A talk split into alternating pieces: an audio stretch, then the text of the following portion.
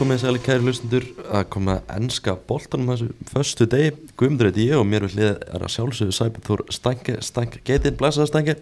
Sæll gummi, gaman að vera komin aftur í túlistúdíu annarsinn í þessu Já, viku annars, annarsinn í þessara viku. Við erum að hita vel upp fyrir ennsku Championship playoffið. Úsluleikurinn núna á morgun, uh, 15.45 á íslenskum tíma. Coventry á móti Luton, þetta verður rosalega leikur.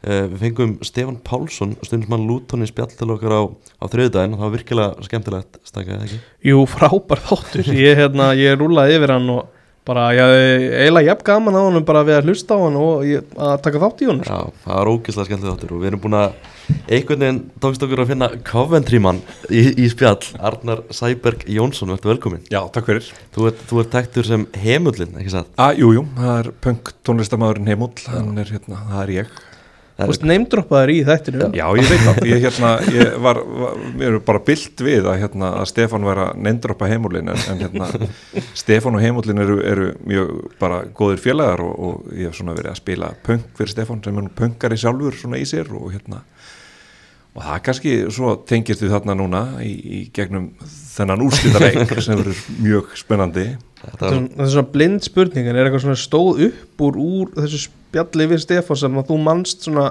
sérstaklega eftir? Það var kannski bara uh, hvað þetta er lík vegferð þessara liða. Uh, erum, þeir eru náttúrulega Lúton er búið að rýsa upp úr öskunni í neðandildinni eða í þessum neðri dildum, utandildinni en við erum einhvern veginn svona búin að vera að fylgja þeim núna upp alltaf svona skrefi og eftir alltaf aðeins neðar í deildunum í lík 2, lík 1 og svo Championship, við erum alltaf 5 síðust ár, þá erum við búin að vera aðeins neðar en Luton mm -hmm.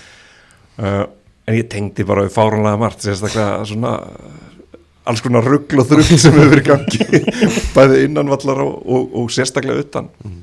Þú ert, ert punk tónlistamæður, þú ert líka stundismæður Coventry, hvernig kemur til að þú ert stundismæður Coventry? Það, sko, það er nú bara þá var ég ekki orðin punk tónlistamæður þá var ég bara nýjára patti í sveitinu minni í Steinadal á Ströndum og ég mann dægin og allt sko. Það var 16. mæ 1987 uh, og þá var ég svona byrjaður að fylgjast með ennskapoltanum og, og uh, þetta er svo mikil sveit að það eru ekki, sagt, það voru ekki fótboltaæfingar eða neitt svoleiðis, þetta var bara hérna ungminnafélagi Kolli í Kollaferði það var svona mest frjálsar íþróttir ekki vikið verið að vinna með fótboltan en þarna var ég byrjar að fylgjast með ennska einu sinni viku, árúf, Bjarni fyrir Lísa bang og mark eh, og Bjallan ringir og eitthvað kemur á skjáin og, og hvað er að gerast. Og þarna var eitthvað nafn svona sem ég tengdi við eh, Coventry, það var svona öðruvísi heldur en hinn öfnin það var ekkert United í þessu. Það var lítið verið að tala um Coventry City. Það var mest svona Coventry bara.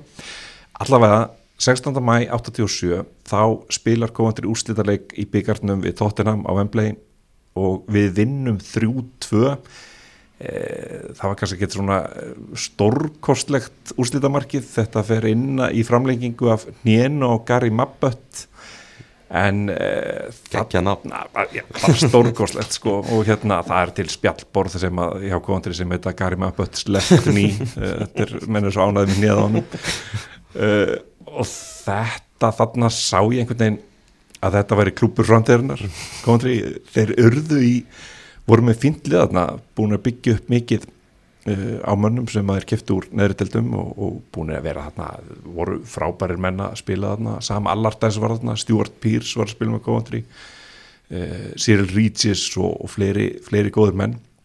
Og Steve Ogritzovits náttúrulega sem var þarna í 60 ár held ég Við vinnum þennan leik og erum í sjönda sæti í dildinni árið 1987 og ég er í rauninni bara upphaflega bara glóriðhöndur.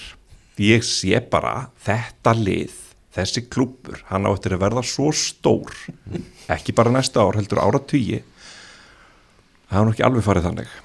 Ekki alveg? Ekki alveg.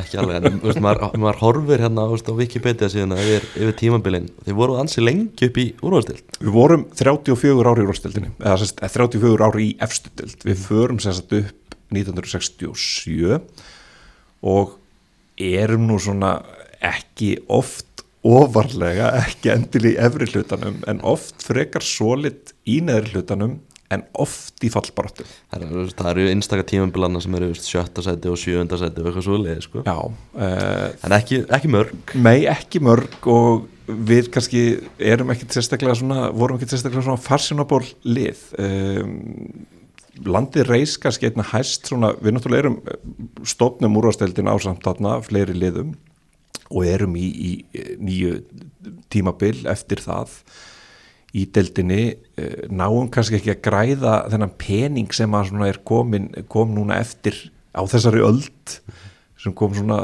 einhver, einhver fjárhagslega innspýting fannst manni bara inn í fótboltan almennt.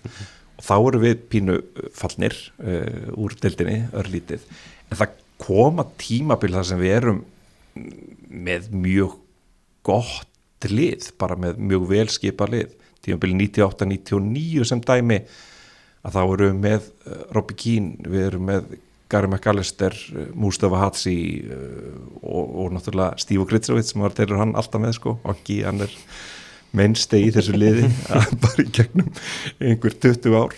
Uh, og svo náttúrulega voru tímabil þar sem við erum með framherjana Díón Döblin og, og Darren Huckerby og svona mætti lengi telja. Og svo náttúrulega bara líka Kyle Lightborn og Simon Hayward sem að enginn hefur nokkuð tíma hirtum sem voru bara fastamenn á, á tímabili.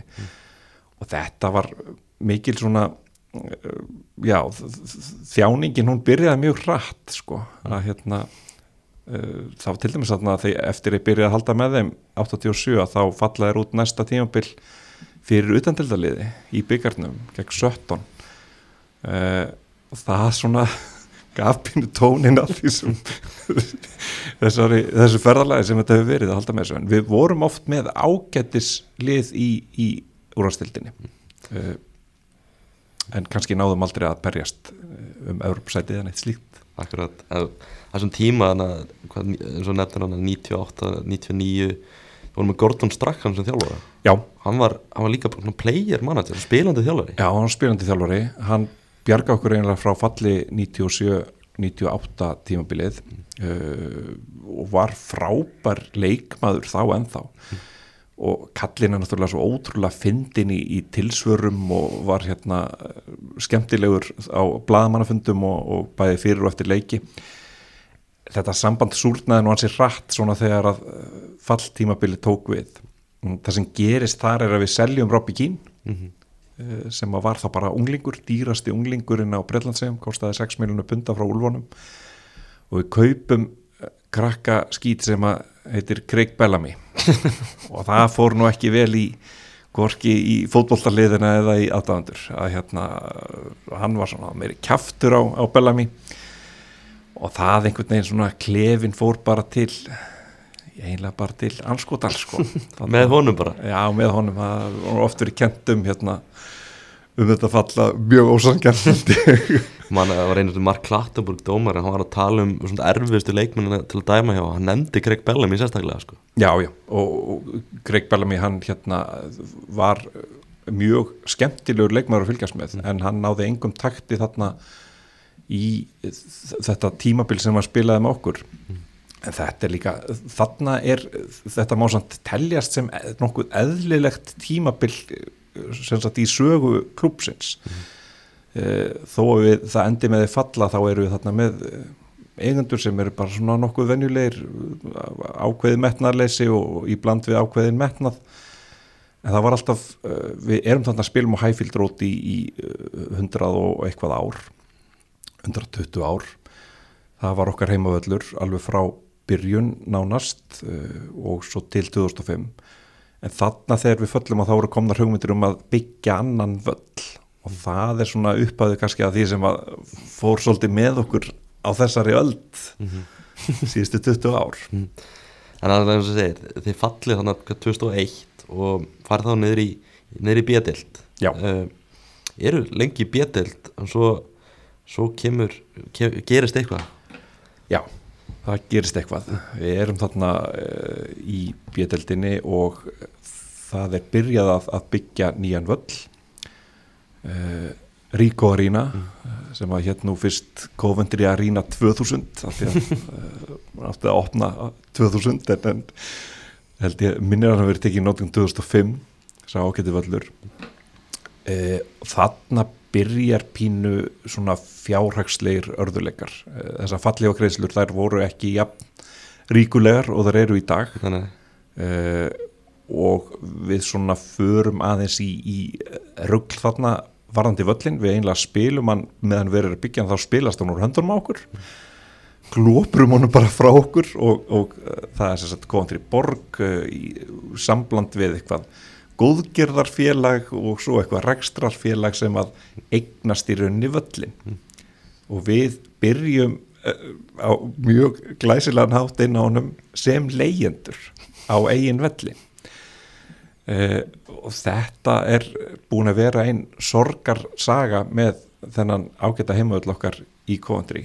Mér minnir þessi 2007 sem við uh, fáum nýja, eigend, nýja eigendur þá voru menn búin að spila frá sér völlin uh, glópar hún frá sér og uh, vogunarsjóðurinn Sissu hann tekur við klubnum þegar það voru 20 mínútur í gæltrótt ég var svo sveittur þennan dagmaður ég, bara, man, ég held að ég aldrei verið sveittur á bakinu. Ég, hérna, eins og þegar að Sisu var að taka við og þarna fögnuð menn óurlega nú væri framtíðin bara björt og, og aftur held ég að þetta væri klúpur framtíðarinnar, nú færum við upp um deilt og það er alltaf vonið sem drefum hann það er svolítið þannig.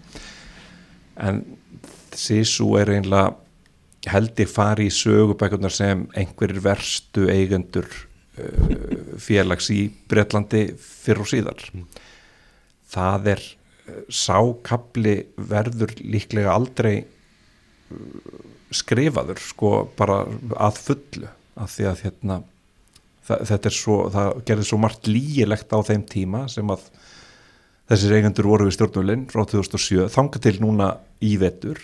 Að það er bara það er bara traumatist að tala um þetta strákar. Það er bara hvað, var var svona helst það sem það gerður sem var svona bara sem þú hugsaðir, oh my god sko. uh, það er svo margt vond sko. það er svo ótrúlega margt vond ég man til dæmis eftir sko, stjórnarmenn eh, stjórninni eh, stjórn klúpsins var skipt út mjög ört einn af þeim sem að tók sæti í stjórninni var Ken Dulliu uh, eða hann var kallar Orange Ken eða Appelsínugulli Ken hann var stjórnarformaður í einhverja mánuði og hann þurfti að segja af sér eftir að hann settist á varamannabekkin í leik í deildinni og fyldist þar með og var svona að standa upp og reyna að gefa skipanir á samt þjálfaranum sem ég man nú ekki hver var þá. Þetta var alveg ræðilegt sko og þá sagan sagði að, að Ken hefði verið að reyna að ganga í augun á einhverju konu sem hann var með á leiknum. Og hann var þarna einhvern veginn að gefa skipanir og svo á sama tíma var uh, bandaríkjamaður í stjórninni sem heit Leonard Brody og hann kom fram með hugmyndir um að uh, aðdáendur eða sérst áhorfendur á vellinum ættu að velja uh, varamenn sem ættu að skipta inn á. Hét, hérna, og þetta var raunverulegt verkefni sem heit Texta Substitute. Og þá sem sagt sko í háluleika þá áttu áhörundur að fara inn í símana sína og senda SMS og, og, og ákveða hver, hver verið tekin út af og hver ætti að koma inn á. Og þetta var raunveruleg hugmynd sem var bara rætt talsvert menn reyndu að breyta merki félagsins og, og hérna ég bara veit ekki hvað og hvað. Yfir þessu öllu var, var finsk bandarísk kona sem að hérna yfir þessum, þessum vónasjóði það hljómar mjög nefnilega, sko. Já, þetta var mjög bandarísk þetta var alveg óþægilega bandarísk það var sem sagt Joy Seppala sem var hérna er, er uh, merkileg kona, hún var svona huldukona. Mm. uh, hún sást einaldri á leikjum uh, bauð ekki upp á viðtöl og það svona það var bara allt brjálað, svo lendum við í deilum út af leigu á, leiguverði á vellinum. Og mér minnir að við 2012 þar sem við þar sem sísu ákveður að, að þau ætla ekki borga leiguna og við förum og spilum heimalegi í Northampton sem er einhver 70 km í, í burdu frá kontri, þetta er svolítið eins og K.R. farið upp á Kjalanes að spila leikinu sína og þá erum við þarna í, komnir í, í líkvon og, og þá erum við með ég held að meðal aðsóknin þennan vetur á heimalegi hafi verið 2500 manns. Mm. að því fólk neitað að mæta. Margir sem stóð upp á að það er svona hæð við heimavöld Norðandón þar sem er þetta að horfa inn á öllin og þar stóðu stundum fleiri mótmælendur heldur en voru inni á, vell, inni á leiknum að horfa. Til þess að mótmæla þessu og þetta var uh, algjörlega hörmulegt uh, tímabil, ég hef stundum lesið einhverja reykjast um einhverja Facebook-fesslur þar sem ég er að ranta um, um þessar skýtaeigendur og skýtafélag og skýtaleikmenn og svo framvis en það, uh, já þetta var einhvern veginn livðu við þetta nú af.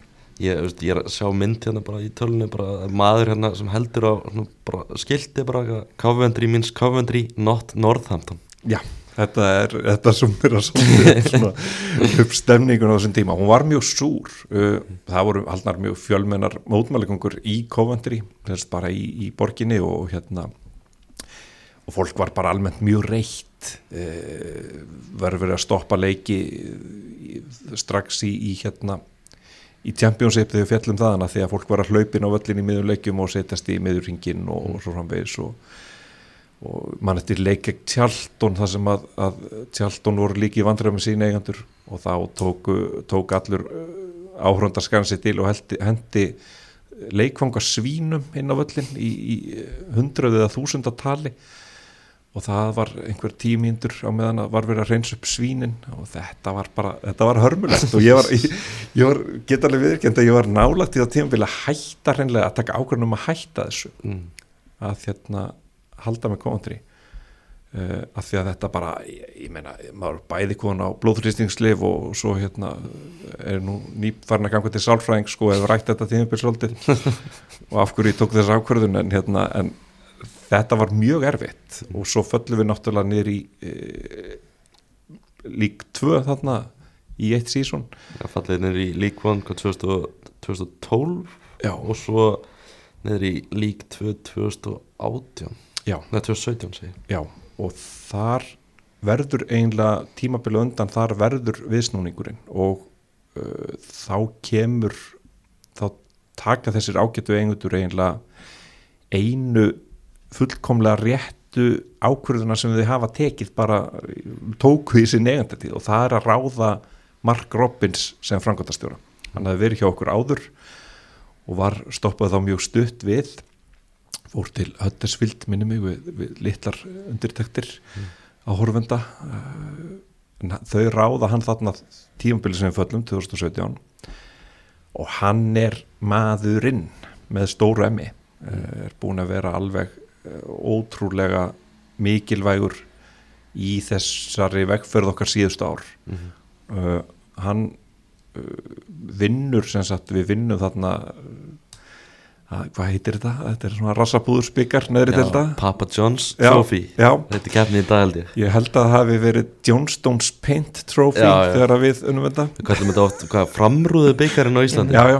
Er það ekki út af hérna þegar stók vand Jú. það, Það, Gauði Þórar tók, tók byggarinn sko. já, já, já Þetta, ég mann hvað það var stór stund sko. það var hérna auto windscreen byggarinn en við sett vinnum þetta sama tímabil og við föllum þá vinnum við þennan ágæta byggar og hömpum honum á Wembley og ég var nú þar.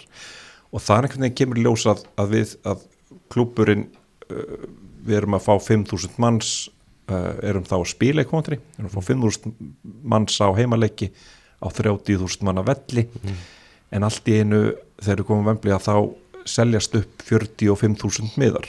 Þannig að uh, sko, grundvöllurinn til þess að hafa fólk á vellinum er þarna Af hverju er fólk þá ekki að mæta völlin þegar við erum að spila í Coventry Uh, það held ég hafi spilað inn í þarna á þessum tíma bæði and, fullkomin andúð fólks á uh, eigandunum það var svona alls konar átæki gangi. Not one penny more uh, gagvart eigandunum Bara styrkja þá ekki meira. styrkja þá ekkert meira, bara sleppa því að mæta. Uh, ég held að sko að season tickets sala þarna var bara einhverju þúsund, tvöðúsund miðar sem er náttúrulega bara alveg fáránlega lítið sko. Uh, en þetta, þarna vinnum við þennan eh, byggar og einhvern veginn í óskupunum að þá tekst Mark Robbins að, að stýra okkur í gegnum þessi skrýtnum tíðanbil uh, þar sem að við til dæmis spilum heimaleiki í Birmingham út af sömu deilu. Þá er rúbiliðið Vasps búið að eignast hérna London Vespunar búin að eignast völlin Hvernig gerist það? það er bara, ég, ég veit ekki hvernig það gerist. En ég er orðin algjör sérfræðingur í hérna í bara alls konar svona réttarfari í Breitlandi eða var orðin sérfræðingur á það tímabili það var svona dómsmál í þessu uh, sem sagt Góðundri Borg og félagi sem að rak völlin það ákveður að selja. Mm. Uh, þá er andúð þeirra sagt, bara þeirra sem ráða þar svo mikil á eigundum Góðundri að þau eiga ekki sens á að kaupa mm. uh, sem betur fyrr kannski svona eftir á en þarna var maður alveg brjálaður bara mm. að við vorum allt í innu vorum við orðinni leyendur hjá rúkbilið þetta er bara algjörlega óskýralegt sko. en uh, þá förum við að deila við þá um, um leiguna og við förum til Birmingham þarna í uh, rúmt tímabil minni mig og spilum heimalegi þar mm. uh, og það var Mark Robbins til dæmis stýrir okkur þar í gegn og þar náum við bara úrvals árangri mm. náum bara góðum árangri innan vallar síðan 2017 höfum við stað okkur bara bísna vel innan vallar þó að rugglið utan vallar hafi svona haldið áfram mm. og það er allt Mark Robbins að þakka mm. Hann, hann er svona maðurinn á bakvið þetta hann er einum leik frá því að fá stittu Já. það er bara ekkert floknir af það, mm. hann er búin að vera með okkur núna í sex ár og ég held að hérna ef hann eh, nei, ég ætla ekki að segja, ég þóri alltaf að segja ef hann kemur okkur upp að hérna að þá er, er stitt á leðinni mm -hmm. ég held að það sé ekki nokkur vafi mm -hmm. aðeins meðan um böllin þetta, þetta er svo áhört, maður hefur, heyri ekkert rosalega oft um svona þetta er náttúrulega félagið byggir völlin eða ekki? Jú, félagið byrjar að byggja völlin mm -hmm. og svo uh, komin því einhvern veginn í það form að það sé sko annar aðrir uh, eigendur uh, en að við rekum völlin uh, og þannig er eitthvað svona einhver samningur gerður sem er síðan reynlega uh, rift þegar að uh, við stöndum ekki við hann mm -hmm. uh, þegar að leigan hækkar þá nást ekki samningar og við förum þarna í útlegð. Þessi vógnasjóður Sissú sem sagt þau voru með ákveðna pólisíu sem að snýrist bara um að fara í réttarsal mm -hmm. til þess að ná sínu fram. Og þá, það fór ekkert sérstaklega vel í, í neitt engan eiginlega. Og það er bara ekki sniðu hugmynd að láta svona sjóði reka félag. Mm -hmm. maður sér oft sko vangaveltur til dæmis í, í premjér eh, þar sem henn eru að velta fyrir sér hinnum á þessum bandarísku eigundum eh, stórliða þetta er allavega fólk sem er þarna í brúni og það er einhver leiti sínilegt mm. en þarna voru einhvern veginn með svona ósýnilega stjórnendur sem að skildu sér á, á bakvið hérna tóku skriknar ákvarðanir og sögðu svo bara ekki neitt sko.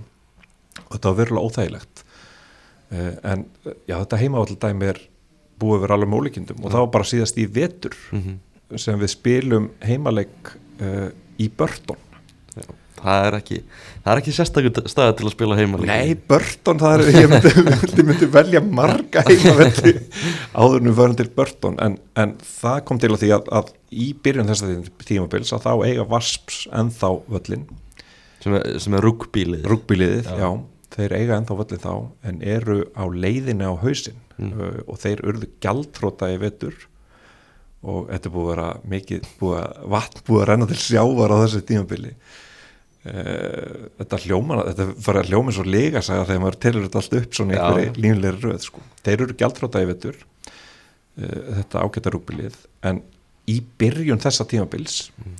að þá eru spilaðir uh, þá eru samveldisleikarnir Commonwealth Games í gangi og það eru spilaðir rúkbileikir í þrjá daga samfleitt á þessum ágæta heimaveld okkar. Og svo þegar til á að taka þá allt í einu er ekki hægt að spila fótbollstá á þessum velli eftir eh, mjög mikla nótkun á honum. Þannig að við spilum ekki heimaleik í vetur uh, í Coventry fyrir en uh, í, mér minnir að vera í lóks september, mhm. byrjun oktober mm -hmm.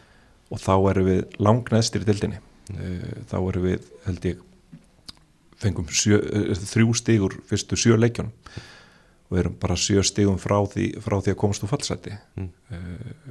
og þetta og sama tíma er rúkbilið að verða gjaldróta uh, heima hérna bara sjóppun okkar voru lokað semst búðinni, mm. profísjál búðinni.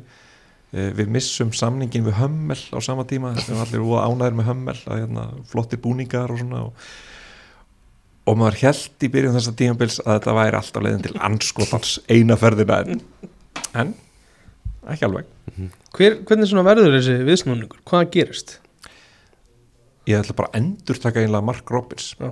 það er alveg ótrúlegt að, hérna, að einn maður skuli geta tekið við svona klubbi sem er bara í algjörrugli og byggt hann upp bara frá grunni má segja uh, hann tók þegar við hann tekur við þegar við erum að falla í lík 2 Mm -hmm. hann gengur í það til dæmis að það var ekkert skátingkerfi uh, hann setur það upp. Það var bara, hann sagði bara það skjalið, Excel-skjalið var ekki til. Hver var að stýra þessu batteri þegar hann kemur inn? Það veist áður en hann kemur inn. Frankvæmtastjóri, Já, Russell Slate. Já ég, hver, er, hver er það? já ég segi það líka Ég hef bara aldrei heilt þetta nafn sko. Nei, að, þetta er líka nafn sem við viljum ekki teira bara góður í áhugendur uh, Russell Slate var hérna ég man ekki hvað hann stýrði okkur í fáum leikjum en þeir voru fáir. Og árangurinn var mjög lítill nema að koma okkur í hérna í úrslitin í, í hérna hvað hva heitir þetta? Johnstown Spain. Jones, Papa Jones. Papa Jones, já, Pizza, já, í pizza, pizzabyggarnum pizzabygganum kom okkur í úrslitin þar en Russell Slate, hann hefur ekki átt neitt glæstan fyrir held ég. Þetta er mjög áhugaður fyrir sko. Hann stýri hérna Scarborough og Grimsby og Jóvil og Cardiff einhvern veginn þá veist hann að fá það gig. En síðan var með Coventry þá var hann stýrt Grimsby Town í eitt tímabil og svo Hereford í tvö tímabil. Þið sjáu bara hvað þetta er stór fiskur sko. Já, Þá talar um, um Robbins Já, Þegar það eru með þrjústi eftir sjöleiki var, var eitthvað að vera að skoða að skipta út eða? nei uh, það virðist vera þannig að, að það sem hann hefur gert fyrir okkur að það mun uh, endast talsvert hann er nýbúin skeifundir fjóra samning uh, til 2027 og það var aldrei umræð um það og það hefur ekki verið umræð um það að losna við hann uh, bara neitt ekki á neinu tímabili síðustu sex ár Mm. Hefur það verið rætt. Við náttúrulega komum upp í Championship og það er mjög uh, erfitt að koma upp í Championship að því að þú ert að keppa við lið sem eru nýkomin úr, úr Premier og eru bara með brjálaða peninga til þess að spila úr. En þá endur við í 16. sæti á fyrsta tímabili og það var bara gríðarleg ánægja með það að við skildum ná að halda okkur uppi. Þannig að umræðinu Mark Robbins er, er eh, mjög jákvæð. Hann er bara er bara guð í, í okkar augum, má segja. Það er svona fátama samt eitthvað með einn hotlusta sem er bara svona örugur í starfi. Já, þetta er náttúrulega bara orðið bísna sjálfgeft í, í fótbollunum í dag. Uh, og, og sérstaklega þegar maður horfður til dæmis á, á, á uh, efstu deild hva, veldan á frangvandastjórun þarna er bara alveg með ólíkindum. Og svo horfum maður liðan svo vottfort til dæmis sem bara skipta bara ég hugsa að stjórnafólk skipta óttar um stjóran nærbuksur sko. þetta er bara einlega alveg með ólíkindum að mynd halda sér þetta reka klubb með svona fyrirkomulegi en svo pælum við líki sko, þú ert búin að tala um allt þetta rugg sem við gengið á þarna síðust árin. Hefur hann ekkert verið nált í bara að hætta á síðust eða árin fengið tilbúð annars það eða fengið tilbúð annars þar Það er svo merkilegt að, að uh, Mark Robbins hefur verið á, á nokkru sem dottið inn á einhverju sjórnlista þegar að það losna stöður. Mm. En uh, það virðist allavega ekki vera þannig að honum hefur verið bóði starf neitt neinn staðar sem við vitum af. Hann hefur svona verið orðaður við hitt og þetta en uh, aldrei verið bóði starf svona opinberlega. Uh, hann fer undir ratarinn og ég held að Kontri hafi gert að ákveðnu leiti líka að hérna hann er meina, hann er bara mjög hefðbundin stjóri þegar maður horfir á fótboltan sem hann láta liðið spila. Uh, en hann er það er eitthvað sem hann gerir sem að fær menn til þess að púla svona saman og, og hérna hann hefur verið snjalli að skipta um taktík líka. Hann er mjög taktískur stjóri eins og Rob Edwards hjá Luton. Uh, það voru mjög taktískur. Við erum búin að breytast síðan við vorum að spila í lík 2 og lík 1 frá því að vera mjög svona possession based lið yfir í að vera counterattacking núna í vetur. Og það er breyting sem að bara maður sá ekki til að gerast. Uh, maður tók ekki eftir því. En allt einu eru við farin úr því að vera með boltan 65% í leik í hitti fyrra uh, þegar við með þess að komum upp í Championship yfir það að vera 30-35% með boltan í leikjum núna. og þetta er Mark Robbins alveg nótskur hann einhvern veginn aðlaga sig fullkomlað mannskapnum sem hann er með uh, og uh, það hann næra búa til einhverja stemningu. Samt hann er, hann er uh, að því að ég heyrði að Stefán Pálsson var að tala um Nathan Jones núna í hérna í núnum daginn hjá okkur og, og það er nú einn karakter sem er, er litríkur og, og gríðarlega auðvelt að láta fara í taugarnar á sér þegar hann er ekki þegar maður er spila á, á mótonum Mark Robbins er allt annað en þetta. Hann er frekar svona þurr og, og óáhugaverður í, í viðtölum það verður aldrei komið upp neitt þar sem hann hefur sagt eitthvað sem hann svona er, er vafasamt eða kvorki gagvart sko eiginliði eða, eða öðrum liðum. Hann bara fer undir ratarinn og vinnur vinna sína bara í rólehitum Gætið maður líst honum þá kannski sem pínu döll eða þú veist, tekur hann einhver sensa í orðunum sínum eða? Já, ég held að dölsi það ræðir þetta að segja þetta en ég held að dölsi eiginlega bara ágættis hérna lýsingarorð mm. á, líka á tímum þessar stóru karaktera í fótbolltanum að þá er skrítið að fylgjast með svona manni vera að ná árangur með liðið sitt mm. uh, en svona er þetta þetta er bara, það er, eitthvað, það er einhver x-faktor sem þessi maður hefur bara sem er enguleiti sínilegur á honum En þú veist, bara veist, þetta tímabil núna þú veist, er allt eins og nefndir á það er, þú veist, þess fóru á spilu eitthvað starf annar staðar og eitthvað, eitthvað svoleiðis, þú veist er allt ruggli búið? Já, ruggli oh, það er svo erfitt að svara þessu. Neini því ruggli eru örgli ekki búið. Uh, sko við förum og spilum annar staðar uh, eins og ég segi bara shop. En, en bara lokaði þrjá mánuði. Bara online búðinni uh, út af einhver, því að byrgin hjá hömmel fór á hausinn og, og svo framvegis. Og það er, var alls konar meira ruggli í gangi núna fyrir hluta tíumbilsins. Við höfum lendið í mjög miklu meðslum mm. uh, inn á vellinum.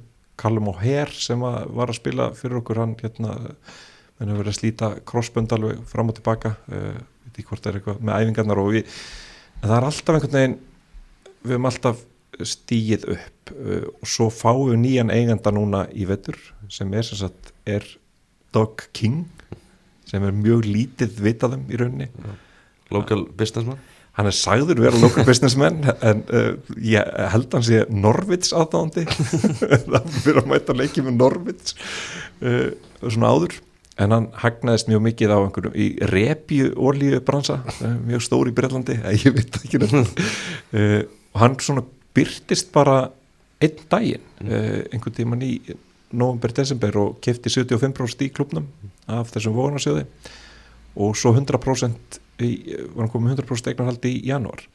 Á sama tíma þá fara Vespunar rúkbiliðið, núna í vettur þeir fara á hausinn eh, og völlurinn þeir missa völlin eh, þeir fara alveg í þrótt og það sem gerist þá eh, er að Doug King sem er núna eigandi kontri hann nær ekki að kaupa völlin Það er alveg ótrúlega dæmi sko. Það er Mike Astley nokkur sem að ég held að njúkastlumenn bara, bara skjálfa á beinunum þegar þetta nafn er nefnt Þeir, eru ekki búin að heyra þetta nafn í nokkuð tíma núna sko, fá bara ælun upp í munnin að heyra þetta. Mike Astley byrtist í Coventry og kaupir sem sagt völlin Er hann með einhverja tengingu í Coventry að vita af hverju hann gerir þetta? Nei, menn heldur náttúrulega að hann væri að fara að kaupa klubin okay. og það eru margir sem halda það enþá að Mike Astley muni gera gangskur á því að, að eignast klubin þegar við uh, nú er það nærið búin að segja að þeir eru förum við svona á næstu miserum og þá, þá munir það að gerast. En við sérst eigum ekki völlin en þá en erum konið núna með uh, fimm ára samling um að spila ánum sem er bara mjög gott. Er þessi samningur óuppsegjanlegur? Eh, ég, ég held að það fyrir bara eftir í hvað Mike Astley er búin marga bjóra þannig hvort, hvort þessu uppsegjanlegur eða ekki. Það er smá skellur að heyra að það verði engin séns að spila verið í Northampton í úrstöldinu Já, það er aldrei leðilegt sko. Eða Burton, það væri, fínt að bara ef við myndum spila alltaf heimaleik, bara velja alltaf nýtt og nýtt venju þannig kring sko. Nei, ég held að við værum orðin þreyttir á því en, en þetta virðist allt vera komið í svona nokkuð fastar skorður og þessi nýja eigandi eftir að hann kom að þá uh, hefur Mark Robbins eða þessi frábæri frangatastjóru okkar, hann hefur talað aðeins meira sagt svona meira hver í gangi lift sér að verða að hann aldrei fara að fagna á leikjum þegar skorum mörg sem hann gerði aldrei. Uh, hann var alltaf bara hendur í vössum og við vorum komast upp um deildir og hérna en hann alltaf svona alveg, alveg slagur sko. uh, við förum upp úr umspilin á Wembley 2000 og, upp úr lík 2 að þá er minn maður bara alveg salla rólegur þegar við skorum þarna þrjú mörg reyfist ekki, bregður ekki svip. En eftir að þessi nýjegandi kom núna að þá var Mark Robbins svona að hlaupa þess um og brosa og svona er, þetta er, uh, er eitthvað gó- góður fílingur í gangi að það En ef við spólum aðeins tilbaka í Mark Astley uh, maður getur svona skert sér í hugalund af hverju hann vildi eiga Newcastle. Og ef að Coventry fyrir upp vissulega eru miklu peningar í spilunum þar en er þetta, er þetta alveg risa stórt félag? Er þetta rosa stór fanbase og mikil sér virði? Sko, þetta, það er heilmikill potensial aðna við, ég held að sko uh, það sem að uh, spilar daldi inn í það að við höfum ekki náð því einhvern veginn svona efla þetta sem skildi er náttúrulega skortur á árangri. Við förum í gegnum þarna, við erum í efstu deild frá 67 til 2001 og uh, erum í júrvarsdeildinni fyrstu árin sem hún er í gangi en við erum aldrei að ná árangri uh, þegar að við förum á Wembley byggartum 87 og svo setna þá fyllum við alltaf okkar svæði okay. Coventry er eh, 350.000 manna borg Mm. uh, og hún er hérna bara ágætis borg. Er betur en Luton eða? Nei, við erum ekki um flugvöld sko. ég held að, sé, ég held að Coventry sé ekki sérstaklega fræg fyrir neitt sko. Oft komið þarna og þetta er kannski ekki svona rosalega fjörugt og flott sko. En það er, það er alveg Nandos þarna og eitthvað svoleiðis. Já, alveg Nandor sko. Já, já, Five Guys fór hann daginn hérna, geggjaði borgarar uh, og svo framvegis sko og það er alveg fýtt miðbær. Uh, en svo er þetta kannski ekki mikið komið til alveg fín borg. En um, það er bara það er bara stjættarskipting þarna eins og bara annars staðar í Breitlandi og hérna mikil mannlífstúdi að fara á, á leiki. En potensial til þess að ná fleirum inn er svo sannarlega til staðar. Völlurinn er 30.000 manna uh, og ég fór á síðasta heimaliki núna uh, kontri Birmingham. uh, þar sem við svona vorum á leiðin að tryggja okkur inn í umspilið uh, náðum því samt ekki fyrir síðasta leik og þá var uppselt. Okay. og svo var uppselt líka á umspilsleikin þannig að við eigum hæglega að geta með borg af þessar starðagráðu að þá eigum við að geta fyllt þennan 30.000 manna völl alltaf uh, upp í úrústild hvað ertu með veist, meðal aðsókn og leiki? Það, núna hefur hún í vetur verið um 20.000 Ok. Rétt rúmlega 20.000 á deildalikina uh, en ég meina það er meira heldur en þegar við vorum upp í efstu deild uh, 80 og eitthvað sko. að þá vorum við á hæfildrót stundum bara með uh, 16-17.000 manns og, og svo 5.000 þegar Wimbledon kom í heimsókn. Akkurat, eh, þessi völlur Þannig að við erum búin að tala svona um hann. Við Já. töluðum líka um völlin hjá Luton Já, já, já. Það er ansi áhugaveru völlur. Það er styrlað og sérstaklega sko, það er ótrúlega gaman með þessi, hérna, þessar væral myndir sko, af, af vellinu og ljúton sko, sem eru alls ekki þaðan. Mm, en þetta er ótrúlegt. Já, það er bara, þú veist, þú lappar hann í útvallar þú veist, þannig að away fans aðgangin Já. hjá Luton þá er bara að fara í gegn með eitthvað íbúð sko. Já, það eru bara einhverju ömbur að prjóna þarna bara við, bara það sem, það sem þú lappar inn. Völlurinn á Coventry, hann er ekki alveg þannig þetta er ansi flottu völlur. Þetta er flottu völlur, já.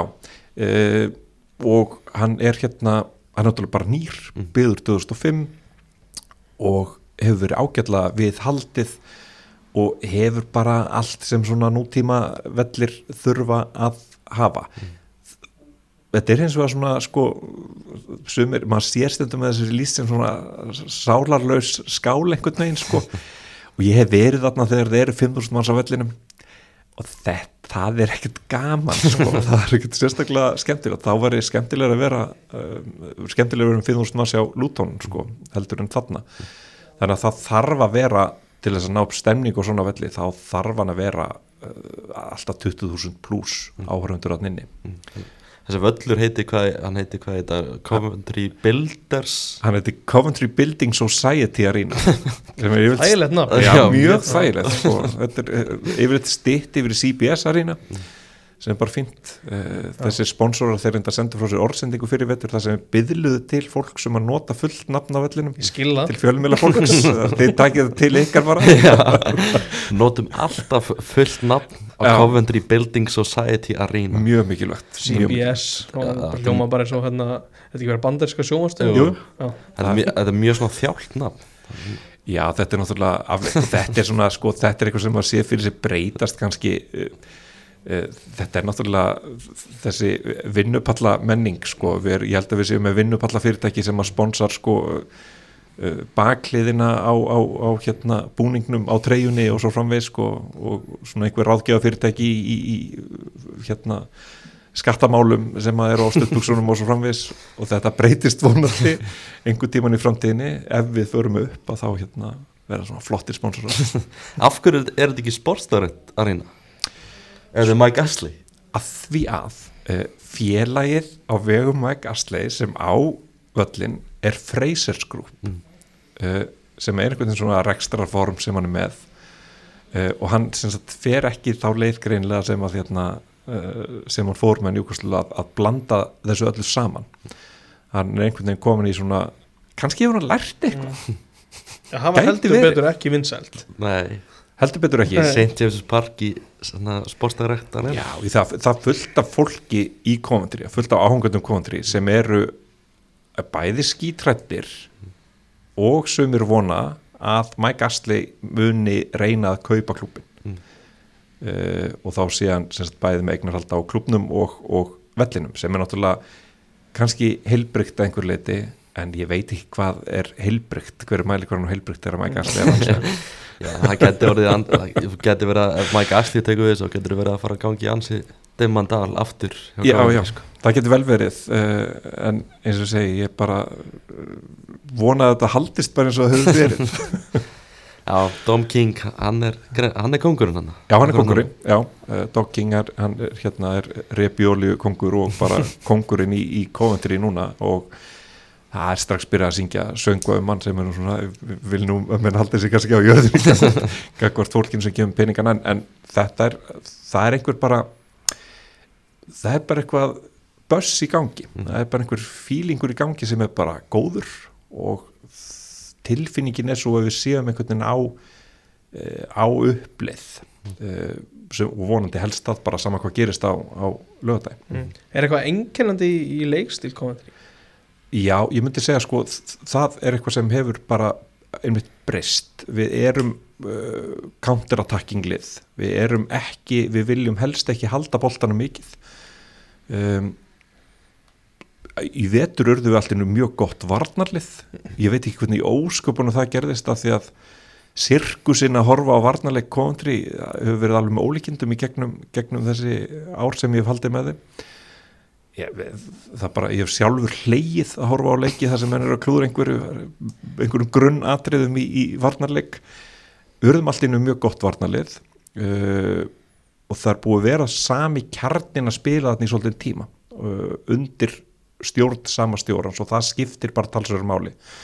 Erum með góða blöndu af eldri og yngri leikmönnum uh, og svo eins og segið, Mark Robins nær að breyta okkur yfir því að, úr því að vera possession based yfir vera counterattacking lið. Og þar skiptir náttúrulega gríðalegu máli að vera með tvo leikmenn sem eru að mínu mati úrvarstildar leikmenn eða gætu verið það. Og það eru annars vegar Gus Heimer sem er á miðunni og stjórnar einlega tógar í þessa strengi að þegar það koma sendinga fram að þá er hann mjög snöggur að sækja fram bara box to box og svo eru við náttúrulega með Viktor Gyökeres þarna frammi og hann getur bara gert það sem hún sýnist stundum.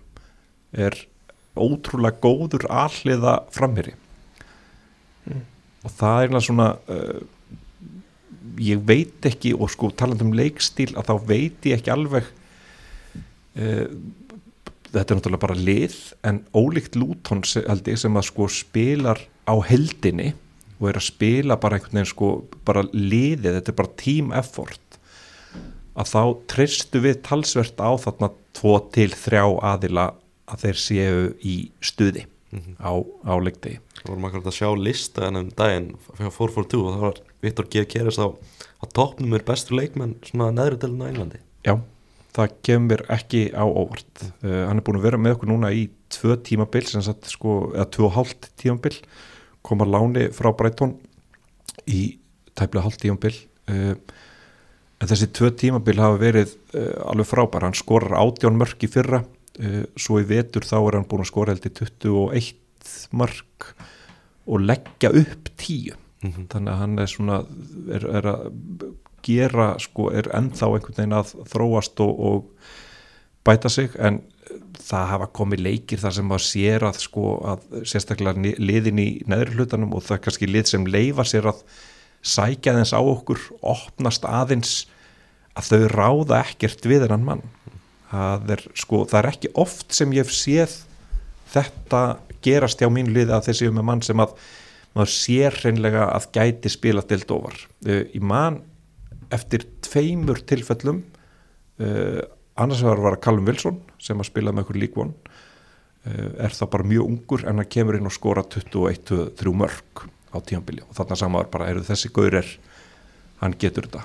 Og svo er það hins vegar sko dæmi það sem að, maður sá í fyrsta leik að þessi maður verður eitthvað. Og það var James Mattisson þá kemur hann inn 17 ára og það var tímabilið þar sem við vorum með Joe Cole á miðjunni í League One. Veit ekki alveg hvernig það gerðist en hann gjörsamlega kemur inn 17 ára og gjörsamlega borðaði völlin og alla andstæðingar sinna bara í morgumat og hátegismat og kvöldmat. Var alveg ótrúlega góður. Og Viktor Gjókeres hann er einhvern veginn á þessu kaliberi, þú horfir á hann spila og það er bara eitthvað sem að gera það að verkum að mm, þessi maður hann gæti kvötta það í, í, á hærra stíi heldur en hann er að spila. Hvernig heldur þið að þið munir svona eiga við það ef að, ef að Luton fer að henda boltnum bara inn, í, inn, inn á tegin eins og að gera á móti Söndiland og, og vonaði besta í mixernum einhvern veginn? Það hafa ekki verið mikil mistök hjá okkur núna í vörninni í vetur. Uh, ég tala um sirkus á hann þetta hefur verið mjög skröðlega oft en við höfum verið mjög hérna við erum besta liðið í Championship í að verjast förstum leikatriðum sem er, myndi ég telja einn af styrkleikum Luton að sækja á förstum leikatriðum uh, þeir pressa mjög hátt. Þeir eru ofbóðslega gott pressulið. Okkur hefur fundist það óþægilegt stundum. Uh, stók er til dæmis dæmi við lið sem pressa mjög hátt. Við spilum við stók núna og töpum 4-0 það er síðasti leikunum sem við töpuðum núna á þessu tímabili held ég, höfum ekki tapað einhverjum 19 19-20 leikjum nema þess, þessum eina leik okkur hefur ekki gengið vel með Luton síðust ár, við höfum ekki unnið á í síðustu 7-8 leikjum alveg og fylgst að upp deildirnar uh, leikstílinn þeirra, þessi háa pressa hún hendar okkur ekki endilega vel. En síðustu 10, 15, 20 leiki hefur bara eitthvað gerst. Þar sem við náum að verjast bara eiginlega bara hverju sem er. Við erum til dæmis að spila við millisboru núna í, í undanúslitunum í, í þessari þessari rimmu uh, í playoffs. Og þá náum við að verjast Tjúpa, Akpom og, og hérna, Cameron Archer sem eru bara búin að skora millisbúr skoraði bara einhver 80 mörg í deildinni. Og við fáum ekki á okkur mark frá þeim í öllum uh, sko, í, í báðum leikjunum í umspilinu. Og vorum eiginlega ekkert sérstaklega nálætti að lenda í vandræðum með að verjast þeim. Hvernig var að fara inn í þessu undrúslið sem svona underdog? Það var uh, bara æðislegt. Það var hérna okkur finnst, okkur finnst við hafa farið aðeins undir ratarinn og ég held að mann líði pínu vel með það að vera þar. Uh, en þetta er bara ógeðslega stressandi. Við vorum sko 17 daga í playoff sæti í vetur á meðan að Luton og Middlesbrough voru þar bara sko, Luton var þar mun lengur bara uh, mjög lengi og, og en einhvern veginn að þá uh, við náum jafnteflið þarna í, í fyrirleiknum og við náum jafnteflið í honum að því að Middlesbrough voru betri það var á heimaðalli kontri, fer 0-0 þeir skjóta í slána og alls konar svona. Maður var alveg kúka á sig bara held ég að ég held að sé einn orðin. Uh, verulega stressandi uh, og svo förum við einhvern veginn uh, á Riverside og höfum einhvern veginn engu að tapa, þá var það einhvern veginn tilfinningin. Og þar var þetta bara aldrei í sérstakri hættu, fannst manni. Uh, við vorum einhvern veginn alltaf að fara að halda hreinu. Um, það var einhvern veginn leikstíl þessar liða bara spilaðist þannig saman að að millesbor og lið sem einhvern veginn sækja svona eins og þeir gera, þeir henduðu bara henda vörnin okkar að fórst við þetta var skrítið. Þetta er bara ógeðslega skrítið að vera komin í play-offs eftir allt sem hefur gengið á og allt sem hefur gengið á í vetur. Ég, meina, ég held bara að þessi klúpur væri að líðundir lok bara fyrir einhverjum fá mánuðum síðan. Uh, við myndum ekki vera um heimavöll og, og Mike Ashley myndi drekka okkur undir borðið og einhverju, einhverju hérna, seti pub bara í, ég veit ekki hverjan á heimensinni mm. uh, þannig að þetta er alveg ótrúlega tilfinning og hérna uh, en maður, ég veit ekki hvernig ég á að vera. Ég er bara skelv og titra á millir þess að ég býð núna bara eftir leiknum, úslítaleiknum tíminu fórhunlega lengi að líða. Þetta er bara, þetta er mjög óþægilegt. Bara hræðir óþægilegt. Það eru tæpir 28 tímar í, í leik. Hvernig verður morgun þær? Hvernig ætlar að bara stilla þessu upp? stilla upp Bara, bara, deginum? herðu, það duttattinn miði á mig núna bara í gær. Ég er að fara að fljúa á Wembley. Mm. uh, tek hérna flugið bara í fyrramálið. Lendur á Luton? Nei. Ég, ég reyndi að hérna fara eins, eins eh, langt frá Luton og hægt var. Nei, við, við erum að fara að fljúa til London í fyrramálið og svo bara dúrlaði mér bara beint aðna í námunda við Wembley og hérna kemur fyrir þar alltaf er var búin, er búin að vera á spjallborði einhverju í alveg 20 ár og, og, og það var ágændis félagi minn þar sem ég spjallaði við en aldrei hitt. Hann reddaði mér miða sem hann fekk óvænt, hann er allt löngu uppselt.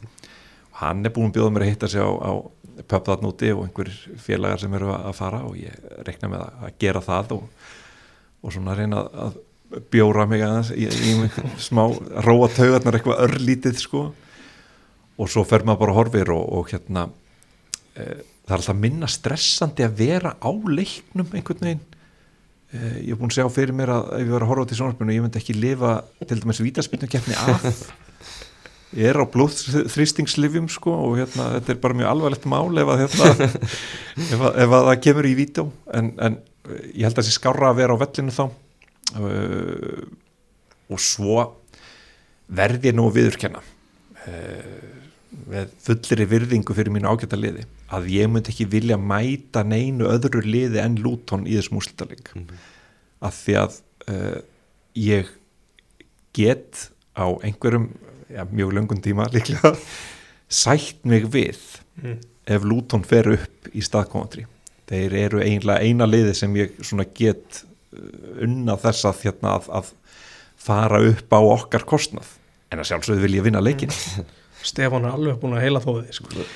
ég hefði að hlustað á hann tala hérna daginn og ég sko, sko svo þrautaganga er hún er öðruvíseldur nokkar þeir eru búin að vera með ágætis eigendur sem sagt síðan þeir náttúrulega fara þarna niður en þeir eru líka gerðir algjörum sko einhver dæmi þarna dreginað um 30 stíg mm. og bara algjörlega ömurleg framkoma dildarinnar við þennan klúp er einhvern veginn gerður svona bara að blóra bögli og, hérna já bara já, alveg ótrúlegt hvernig var komið fram við á og þeir var náttúrulega nýjum konferens sem er bara mjög erfið deild að komast upp úr, mm -hmm. maður sér það bara í vetur.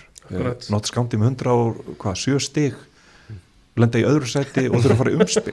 Þá er náttúrulega marrið búin að tapa. Já, þannig að það var rosalega vítaspunni kemni þar. Rosaleg. Já. Það var bara já, það alveg ferleg sko. Ég horfði á hana og ég hérna það var gammal kofuntrimaður taka að viti það var nóg fyrir mig bara til þess að geta ekki hort Það verður engin Íslandinga hitningu fyrir leik eða? e, ég veit það ekki. Ég bara, ég stemdi að því að hóa saman einhverjum hérna, einhverjum eh, góðum kofundri áhangandum pér. Við erum fleiri en ég. Mm. og horfa kannski nýra alveg eitthvað svo leiðis en hérna ég veit ekki hvort það eru fleiri Íslendingar sem verða þarna úti. Stefán Pálsson verður úti. Stefán Bálsson er úti. Ég hef ekki þórað að senda Stefán skilabóð sko. ég held að sé komið eitthvað svona kallt stríð á mill okkar sko.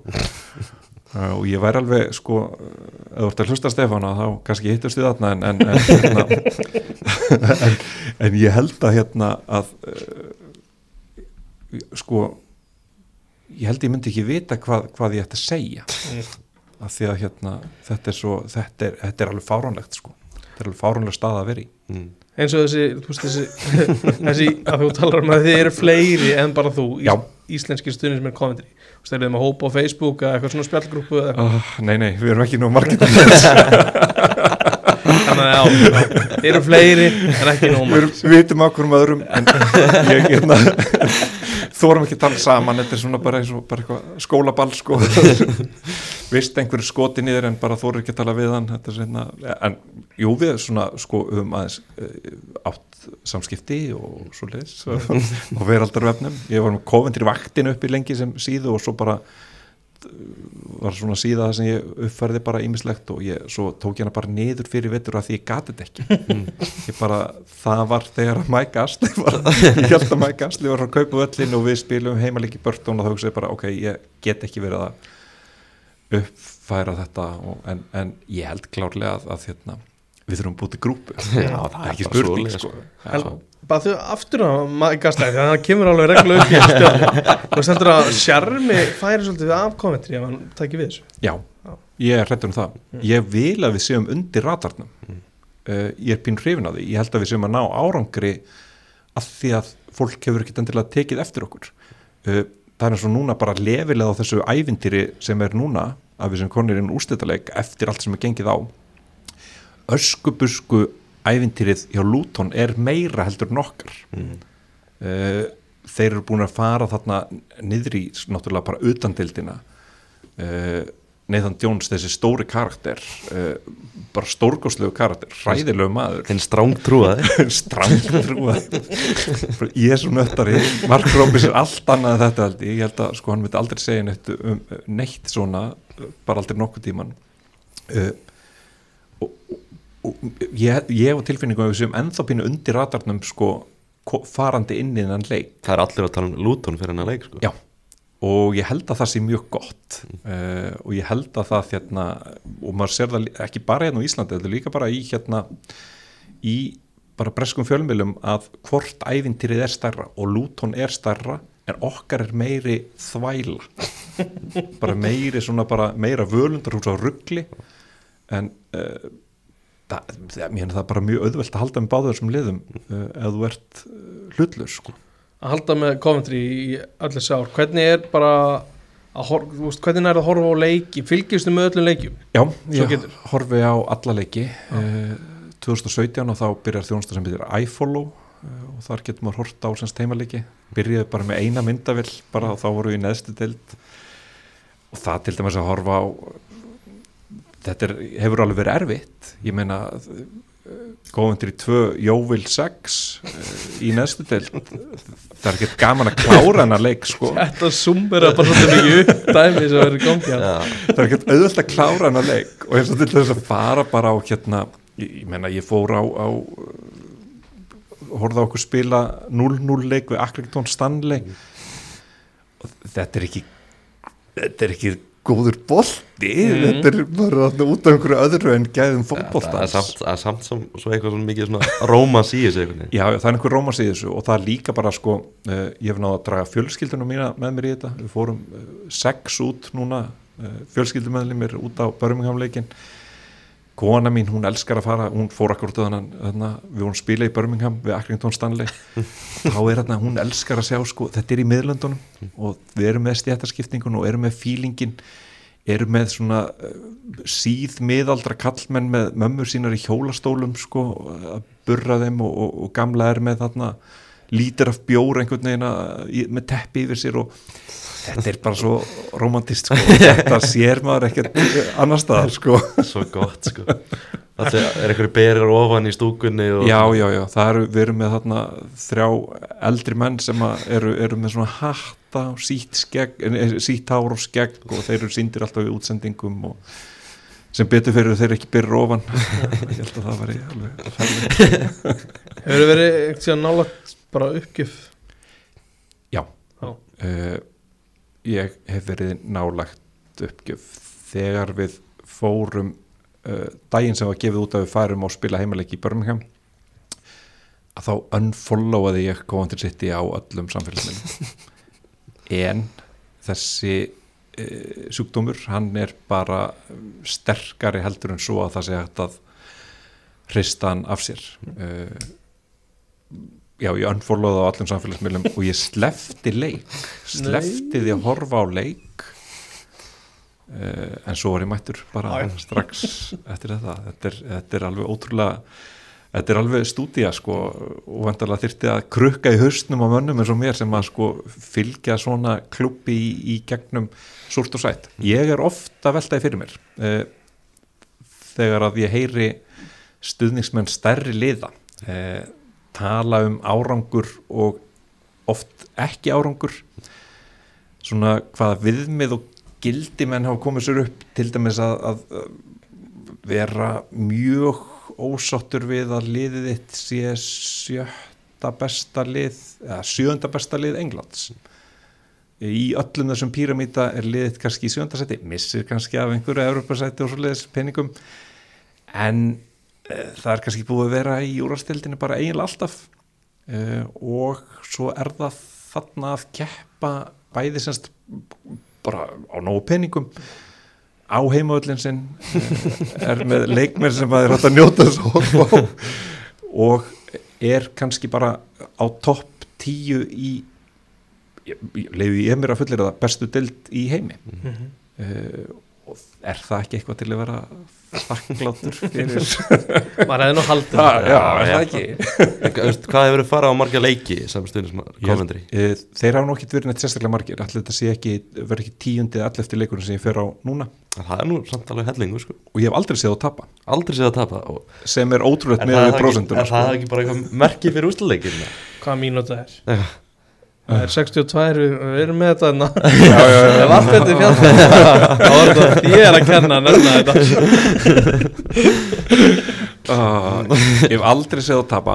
Uh, ég hef séð á mm, við gerum núna í fyrra eh, ekki á þessu tímbil, fyrir síðast tímbil þá, þá held ég að vera að fara að gerast. Og þá skorum við á 97. mínútu gegn Blackburn. Uh, ég hef aldrei séð okkur tapa þetta er áhugaverð tölfræði af því að ég held nú að koma til að hafa tapa talsvört fleiri leikjum þegar ég faldi með þeim heldur en þá sem þeir hafa unnið.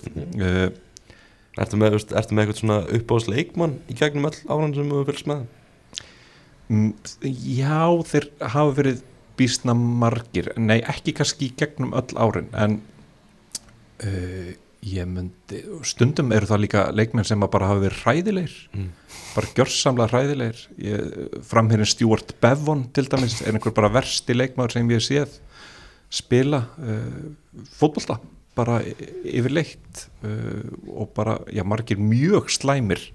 Það er einlega auðvöldar að, að nefna þá, þess að slæmu. En ég held nú kannski að, að þetta uh, teimi þarna rétt fyrir aldamótin uh, þar sem við vorum með Dion Dublin, Darren Huckabee uh, Robbie Keane uh, það var rosalega gaman að horfa á, á þess að menn spila fótbolta. Gary McAllister til dæmis var bara það var frábært að hafa hann í liðinu, ég man þegar hann fór mikill liðtói og bara ótrúlega snjall fótbollmaður, engin betri að lesa leikin heldur en Gary McAllister.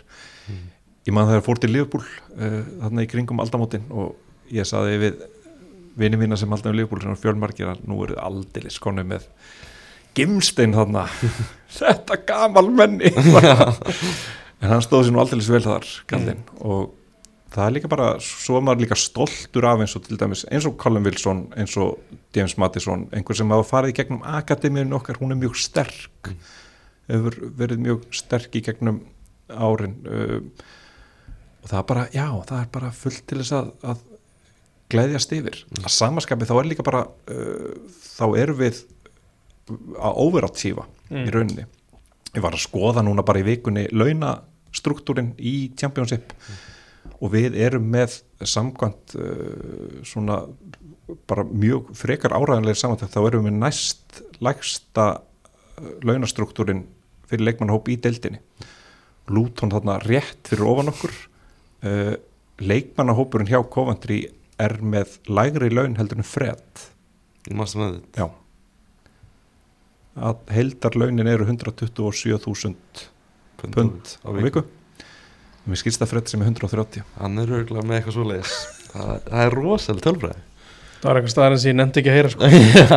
Jú, en, ég veit að mjög, þetta er mjög áhuga þetta er mjög áverð, hann var að koma inn á í gær held ég hérna, ekki? Jú, jú, Hann er svona bara varmaður í United sko. já, en þetta er svona sko, þannig er uh, og, já, þetta er vikur náttúrulega spurningar bara hvernig verður að horfa á liðið ef það kemst upp. Já, Er Mattisson, er hann uppalinn hjá Coventry? já, hann er uppalinn á Coventry.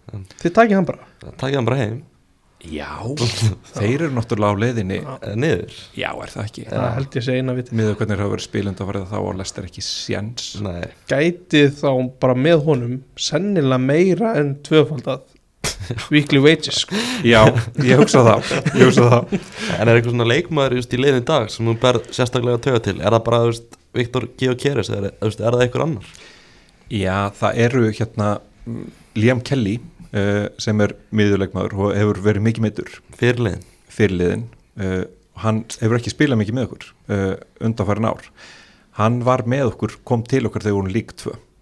Og það finnst mér vera svona ég vil, e- ef að hann ætti séns á að spila úrvastildaleik þetta er pínu eins og Pelli Röddokkan Pansu hjá Já, já. Luton að það væri bara svo frábært að, hérna, að sjá þennan 33 fjórar ára gamla mann spila þar annars sem ég ber mikil svona uh, bara frábær karakter, fyndi karakter Ben Wilson markvörður uh, sem er raun að spila í fyrsta skipti uh, bara í byrjunliði stabílt bara hjá liðum sem hann hefur verið með. Og hann hafði einlegt spilað neina fótbolltaleiki á ferlinum sínum áður en hann kom til Coventry.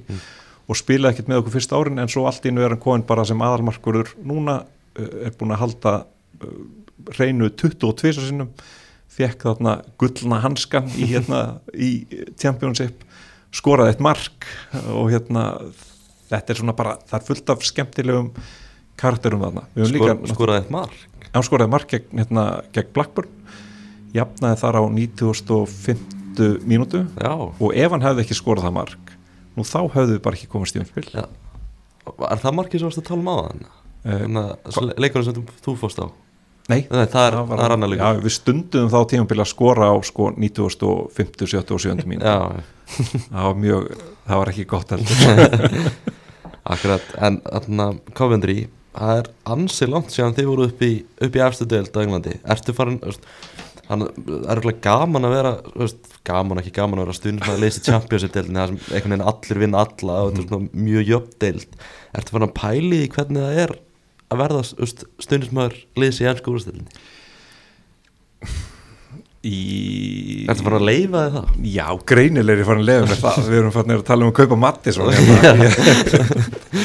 Eh, en samt ekki. Uh, mér finnst þetta að vera mjög uh, fjarlæg pælingi sjálfur sér. Og ég held að liðið sem sagt, sé ekki tilbúið til þess að fara upp um deild. Þar, þú veist, þurfið þið þá ekki að kaupa ansi marga leikmenn? Jú, en svo er bara spurning hvort að ef, ef að svo skildi fara við vinnum þennan leik á lögadaginn Þetta er einn leikur og þá eru leikur. upp í ennsku úrstildinni hættu þessu. Þetta er bara nú bara titra ég og skjálf hérna. Uh, sko, ég held að liðið sem slíkt sé ekki tilbúið til þess að fara upp. Uh, mig langar alls ekki til þess að sjá okkur gera það sem Nottingham Forest gerir það er bara of mikil áhætta. Uh, klúburinn er ágætlega rekin núna. Um, og mér langar einhvern veginn ekki til þess að taka hérna uh, áhættur varðandi það. Ég held að Stefán nefndum daginn að þeir eru alltaf að tala um við þetta er eins og þið þáttu sé um Stefán Pálsson og Mike Astley að hérna að fara sem sagt hvað sagði hann, fara, fara grátandi alla leið í bankan sko. Mm. uh, ég vil frekar græða peningin Mm. og falla heldur en að taka mjög mikla áhættu og uh, svo klúra stað. Uh, nógu slæmt hefur þetta nú verið að fylgjast með þessum blessaða klubbi í gegnum ári Þú vilt ekki lenda í sama ruggli og hefur verið Nei.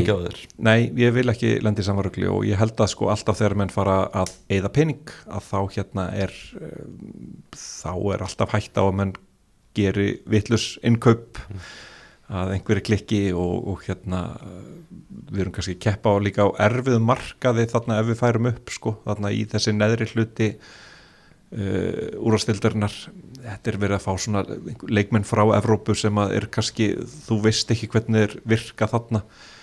Og ég myndi bara vilja halda sama kjarna uh, kaupa fjóra-fimm leikmenn kannski og hérna og reyna að, að halda okkur uppi. En ég held að sé ekki sérstaklega líklegt að okkur takist það sko. Ef svo færi að við færum upp. Ef það gerast uh, kannski bara að lokum áður en við þarna, kannski ræðum smá um annað. En um, Coventry, það er smá, smá íslendinga hefð hjá félaginu. Hafa nokkri íslenski leikmenn spilað? Já, Bjarni, Bjarni Guðjónsson, Jú. var hann ekki fyrstur? Bjarni Guðjónsson fyrstur. Hann kemur þarna og, og sem lánsmaður frá, var hann ekki á Bo Bochum í Þískalandi var á Bokkum þá, já, en, Fe, fer í Stók, var þar í þrjú ár fer svo til Bochum í eitt tíðumbil og kemur svo til Coventry á láni já hann var að spila þarna þegar Erik Black var stjóri. Uh, Erik Black var mjög, mjög svona hérna sóknar, mikinn sóknarþunga í sínum svona stíl bara með liðið og uh, Bjarni naut mjög góðs að því var hann á kantinum. Uh, og var bara frábær. Þann tíma sem hann var hjá, hjá klubnum, alveg bara stórkostlega góður og var mikil umræða á sínum tíma um að kaupa hann en uh, af því varð nú ekki. Og svo náttúrulega kom Aron Einar þarna þegar hann var bara pjakkur. Hann hefur komið þarna vantilega Já, hvað, 19-20 ára? Já, Já, sko. eftir aðsett Alkmaar komað já, var hjá okkur í 2-3 ár, 2-3 tíumbil og þar til dæmis byrjum að sjá þessi löngu innköst sko. Það er hérna það er til, var til vídeo mjög lengi af, af, frá Coventry áhungandum þar sem þeir verða vitna þessi fyrsta leik sko. Og menn hlæja bara og, hérna, og bara ráðikt við sig bara hvað er þetta, hvað er líka mikið við náðum að skora einhver nokkuð mörg frá þessum löngu innkustum og hérna svo fór hann til Cardiff minni mig. Var ekki, var ekki Aron Einar bara mjög góður fyrir Coventry? hann var mjög góður fyrir Coventry. Og það var mjög gaman, ég meina við vorum til dæmis með lánsmenn á þessum tíma svo Jordan Henderson. Og það var mjög gaman að sjá þessa ungu stráka einhvern veginn vera að spila inn á miðjunni saman sko. Og, og hérna jú hann reyndist okkur bara afskaplega afskaplega vel.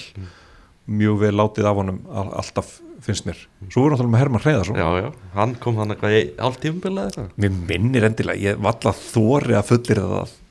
Getur verið að hemmi að verið hjá okkur tímabil sem við fjallum Já, ég veist það Ég er ekki fara þangað. Nei, svona hvað- nei.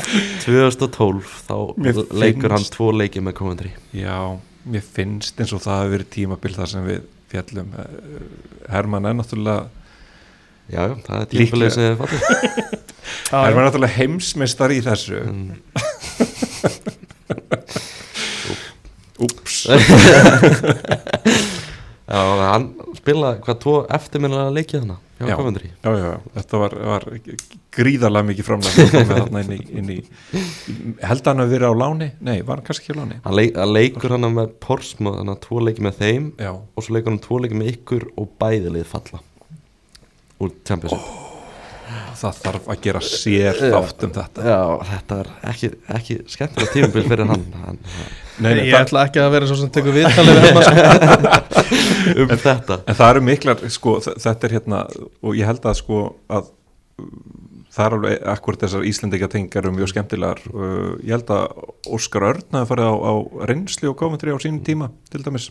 En hver verður næsti Íslandingur í Coventry? Það lítur bara, já, hér hver er næstur? Ég veit það ekki, en það lítur að vera einhver algjörlega frábær. Okkur vantar eiginlega, ég held okkur vantir markmann. Það er nóg af þeim, íslensku markmenn Það er ekki Elias.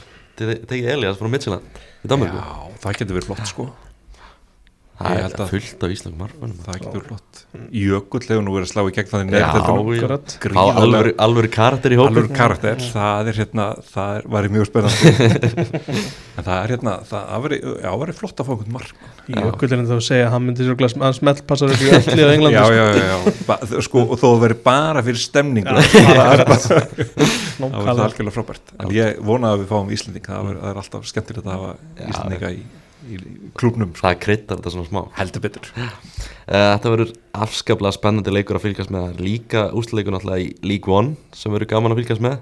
Sheffield Wednesday þarna tókst einhvern veginn ótrúlega að komast í þennan úrslitaleik. Um, unnu þarna Peterborough sem við tölum um í síðast þetta 5-1 á þarna heimavalli í setni leiknum í framlendum leik. Alveg ótrúlega dæmið. Heima þetta barnsleik núna á mánudaginn klugan 2 mm -hmm. Íslandina sem frekar svona óvelulega tími hlýtur að vera eitthvað frítagur hann í Englandi? Já, það ekki. Hvenær segir á mánudaginn ekki bara annari kvítasunni sem ég Heyrðu, er það er þar líka. Já, já, allir fagnir því ekki bara líka? Já, þetta var hræðilegur leikur að horfa á sko, ég, eh, sko hann var frábær en, en hérna, ég bara prísaði mig sælan fyrir að halda með, sko, halda kvorki með Wednesday eða Peterborough. Mhm. Svona náttúrulega bara, þetta bara má ekki. Þetta er að þú segir þetta, ertu meira þú veist, horfur meira á Championship heldur bara enn leiðis Já, ég hugsa nú að ég hafi gert það í gegnum tíðina sko. og, og hérna það fer nú að breyðast svo sem Já, sko. mikið, ég er svolítið fantasy maður líka þannig, ég fylgir svona með fylgst með úrvasteldinni mest í gegnum sko fantasy, maður að halda með hérna, vona, ég voru með Casemiro í gerð til gert. Mjög gott sko. Mm. en hérna, en já ég, það er stundur sjokk að horfa úrvasteldin ekki það gerist svo hratt. Það er svo góður leikmenn.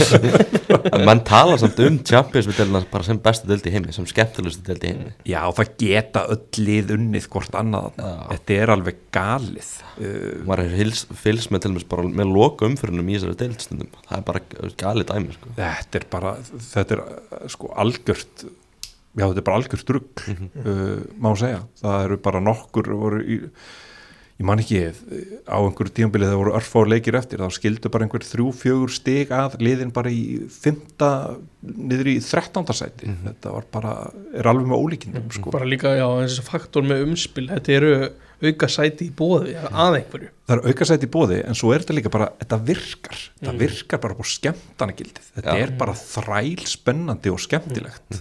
Og það er ótrúlega gaman að vera þáttakandi í þessu loksins. Akkurat. Það er stærsta, hvað, stærsta velina fyrir bara í einum leik sem til er? Já, það er bara þarna að þú ert að fara upp í peningapottin hann í enn skólustöldinni já, já, er það ekki þannig að þú far meira fyrir þriðasæti heldur en annarsætið jú, þriðja það- skilst sætið það upp, sé, já, sé, já, Já. ég held að það sé þannig sko, Já. að hérna, þetta er bara já, þetta er náttúrulega, þetta skiptir öllu og ég held að sko uh, ég, ég held að breyti það myndi breyta mjög miklu fyrir okkur að fara upp en það myndi sko breyta játmjöl ennþá meira fyrir okkur að fara ekki upp Mm. að því að þá missu við Viktor Gyökeres Mm.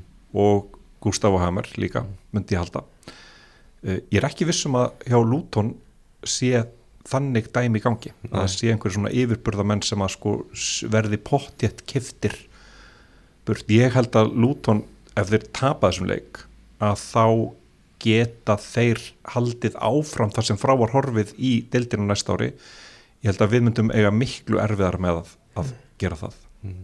þið heyri nú hvað svart það er grunda svart. Þannig að en við slúttum þess að var Master United triðis sæti í meistaröldinni gerð með 4-1 sigra á móti Chelsea. Uh, eina sem ég myndi hugsa núna um er að fredda með hærri launum áttökjörn dæmi, er sko. stælar í þessu svari þetta var bara shit. Þetta er rosalegt dæmi sko. en bara sannfærandi sigur hjá United og þeir eru komin upp í þriðasæti fyrir loka umferðina Mm. það var hörku góðu leikur. Hörku góðu leikur. Casemiro mitt var frábær í honum. Já, hann skilaði þér stíðum í fantasy hann. heldur betur þú var, vantilega skoðað samt bónustíðin og verið eitthvað Lewis Hall, þrjú stig. Fekk hann þrjúst akkurat. Já, þetta var frábært. Ég, sko, ég kefti Casemiro bara því hann var, hann var eina leiðin mín inn í United liðið að því átti ekki pening fyrir neinum öðrum. Hann er búin að vera frábær núna sko. já, hann er, búin, að- hann er að draga lið Borm og fóð þetta skilju Já, það er eitthvað, ég horfði á hann leik sko, það er strákarnir mínir, þeir eru Chelsea aðdándur, þeir búið að vera mjög vott tímabil, mjög sásökafull aðeins skemmtilega að vera kommentri maður en Chelsea þetta tímabilið. En Casemiro var frábær í þessum leik, hann var akkur líka sko og það er einhver svona, hann var aðeins annað með hendunar svona út frá sér eitthvað eins og til þess sko, en ef hann getur til dæmis kattað út bara sko spjöldin, Já. þá er þetta bara því líkt hérna, því líkt maskína fyrir, fyrir næsta tímabil. algjörlega. Sagði að við höfum borgað ómikið fyrir hann. Það er- það þetta væla. Alltaf líka. að tala um það núna að United allir sér að kaupa þrjá ennska landsmenn í sumar Declan Rice, Mason Mount og Harry Kane. Harry Kane sé efstur óskalastin sko. Já, þetta er alveg óskalisti en það er líka spurning hver ætlar að kaupa þá? Hvaða eigandi? Já, hvað eigandi, það er nefnilega stóra máli í þessu. Uh, Núkasól kom í mestarluna Liverpool í Evropadelina, svekkjandi fyrir Liverpool menn. Já, ég sá tilfinninga þrungin svona Twitterfæslu frá Mo Salah. Já, það var bara svo að það, það var svona það var þungt yfir. Já, bara óásattanlegt að ef þú veist að ef það er að koma í ljósa þér kemist ekki mistaldra bara fór alveg yfir þetta bara þetta er mjög, þetta er mjög óásattanlegt lámarskrafa neyri mistaldarsæti og þetta er svona sá, það var, e- hann var ekki kátur sko. Ég skil það alveg en þetta svona summer þetta er kannski svona full dimmt upp sko. Já. Já, ég held að, að, að prófa að vera kontrimaður Elsku Sala hann fyrir aldrei fyrir En þú veist, vesta tímabilið af þú veist, Liverpool kannski ekki nægilega gott en vesta tímabilið af þessum öllum það er Chelsea það er, það er einhverjum allt öðrum stað sko. þetta er búið að vera algjörlega hörmulegt sko. Já, hva, Hvað er þetta eiginlega? Það er bara búið að sapna bara einhverjum bara alls konar gæjum í þetta lið og þeir bara ná ekkert að tengja saman ég, sko. já, já, ég held að það sé bara kemistrið er ekki til stað Frank Lampard sem stjóri líka hann er ekki, hann er ekki að fara að fá annað liðið ennsku úrstöldin held ég Nei, þetta er bara og þetta sýnir líka bara sko hvað hérna uh, að peningar sko, það, við tölum ofta eins og þeir séu allt Mhm. og vissulega eru þeir það stundum. En ekki alltaf. Nei, þannig er bara, sko, þú getur keft bara alla þá leikmenn sem þið sýnist eða einhver lið geta gert það nánast. Og það bara skilar eins og í þessu tilfelli bara engu. Já, og menn eru bundnir hann einhver átta ári eða eitthvað. Sjá til dæmis Mikael og Mudrik það finnst þetta svo skrítið af því að hver er hvatinn til þess að verða betri, jú, jú, auðvitað viltu verða betri og allt það, en þú ert bu- bundin hjá hennu stærsta félagin á Englandi í átta ár þú, verstafalli farið þetta borgað ég svo bara skrítið að sjá sko, ég var hvort að skoða byrjunarlið hjá Chelsea í gær já, það er náttúrulega bara samansafn á einhverju menn eru búin að eyða þarna, ég veit ekki hvað mörg hundruð miljónum punta og svo var um, ég get ekki talað upp en ég einhvern veginn bara, býtu, er þetta uh, starting 11 hjá Já. Chelsea? Kar Karni Tjukumega, Lewis Hall Trevor Chalobah uh, Conor Gallagher Noni Madueke Jeps. Þetta eru alls konar gæja sko. Matu Ege er búin að vera frábær sem kom, tökum það fram. Hann var þetta fínn í leiknum já, já, sko. frábær, það er ekki svolítið stort það var kalt henni sko. En loka umferð deildarinnar fer fram um helgina. Bara, Master United fínt flott fyrsta tímabil hjá Erik Já. Tannak og verður bara frábært eða taka FA byggarinn líka. Klálega, uh, ólíklegt samt. Það er ansið óriklegt loka umferðin um helgina augun verða á fallbarotni þar sem náttúrulega Sáðantón er fallið en það er spurning hvaða lið, tvö lið fara með þeim Everton, Leicester og Leeds mm þrjúlið sem berast þar og, og þrjúlið sem berast um hvað sjöndasætti er það ekki þrjú lið sem berast um sjöndasæti líka síðasta Evropasæti, Mm. Aston Villa, Tottenham og Brentford Þetta verður ansi áhugavert um, verður að segjast að það er ansi líklegt að Leicester og Leeds fari niður á, á sunnudag Það veldur svolítið að hvort að, bo að borma það við einhvern áhuga á móti Everton ef þeir hafa áhuga þá getur alveg unnið þá sko. mm. Já, veist- bor, Borm og þau bara komið í sumafrí ég, þú veist það er málið sko.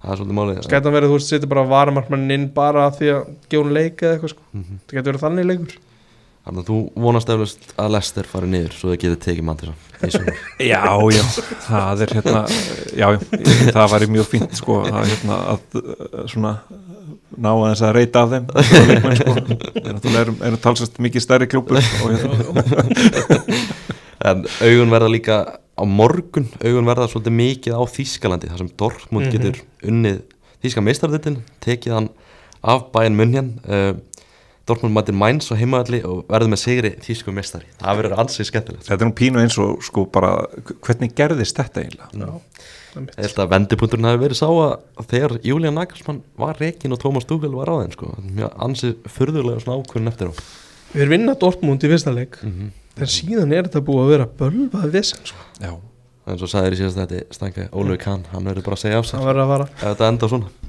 Sala Hamiltons er sjálfur á guli spjaldi. Hann er, á- jælu, það er bara svo en og Dortmund vinnur þetta alveg klálega á morgun sko. heldur það? alveg bara potið það er nú ansi, ansi svekkandi að gera það ekki. Bara mæns á heimavelli. Gætir ekki, gætir ekki lagt þetta betur upp?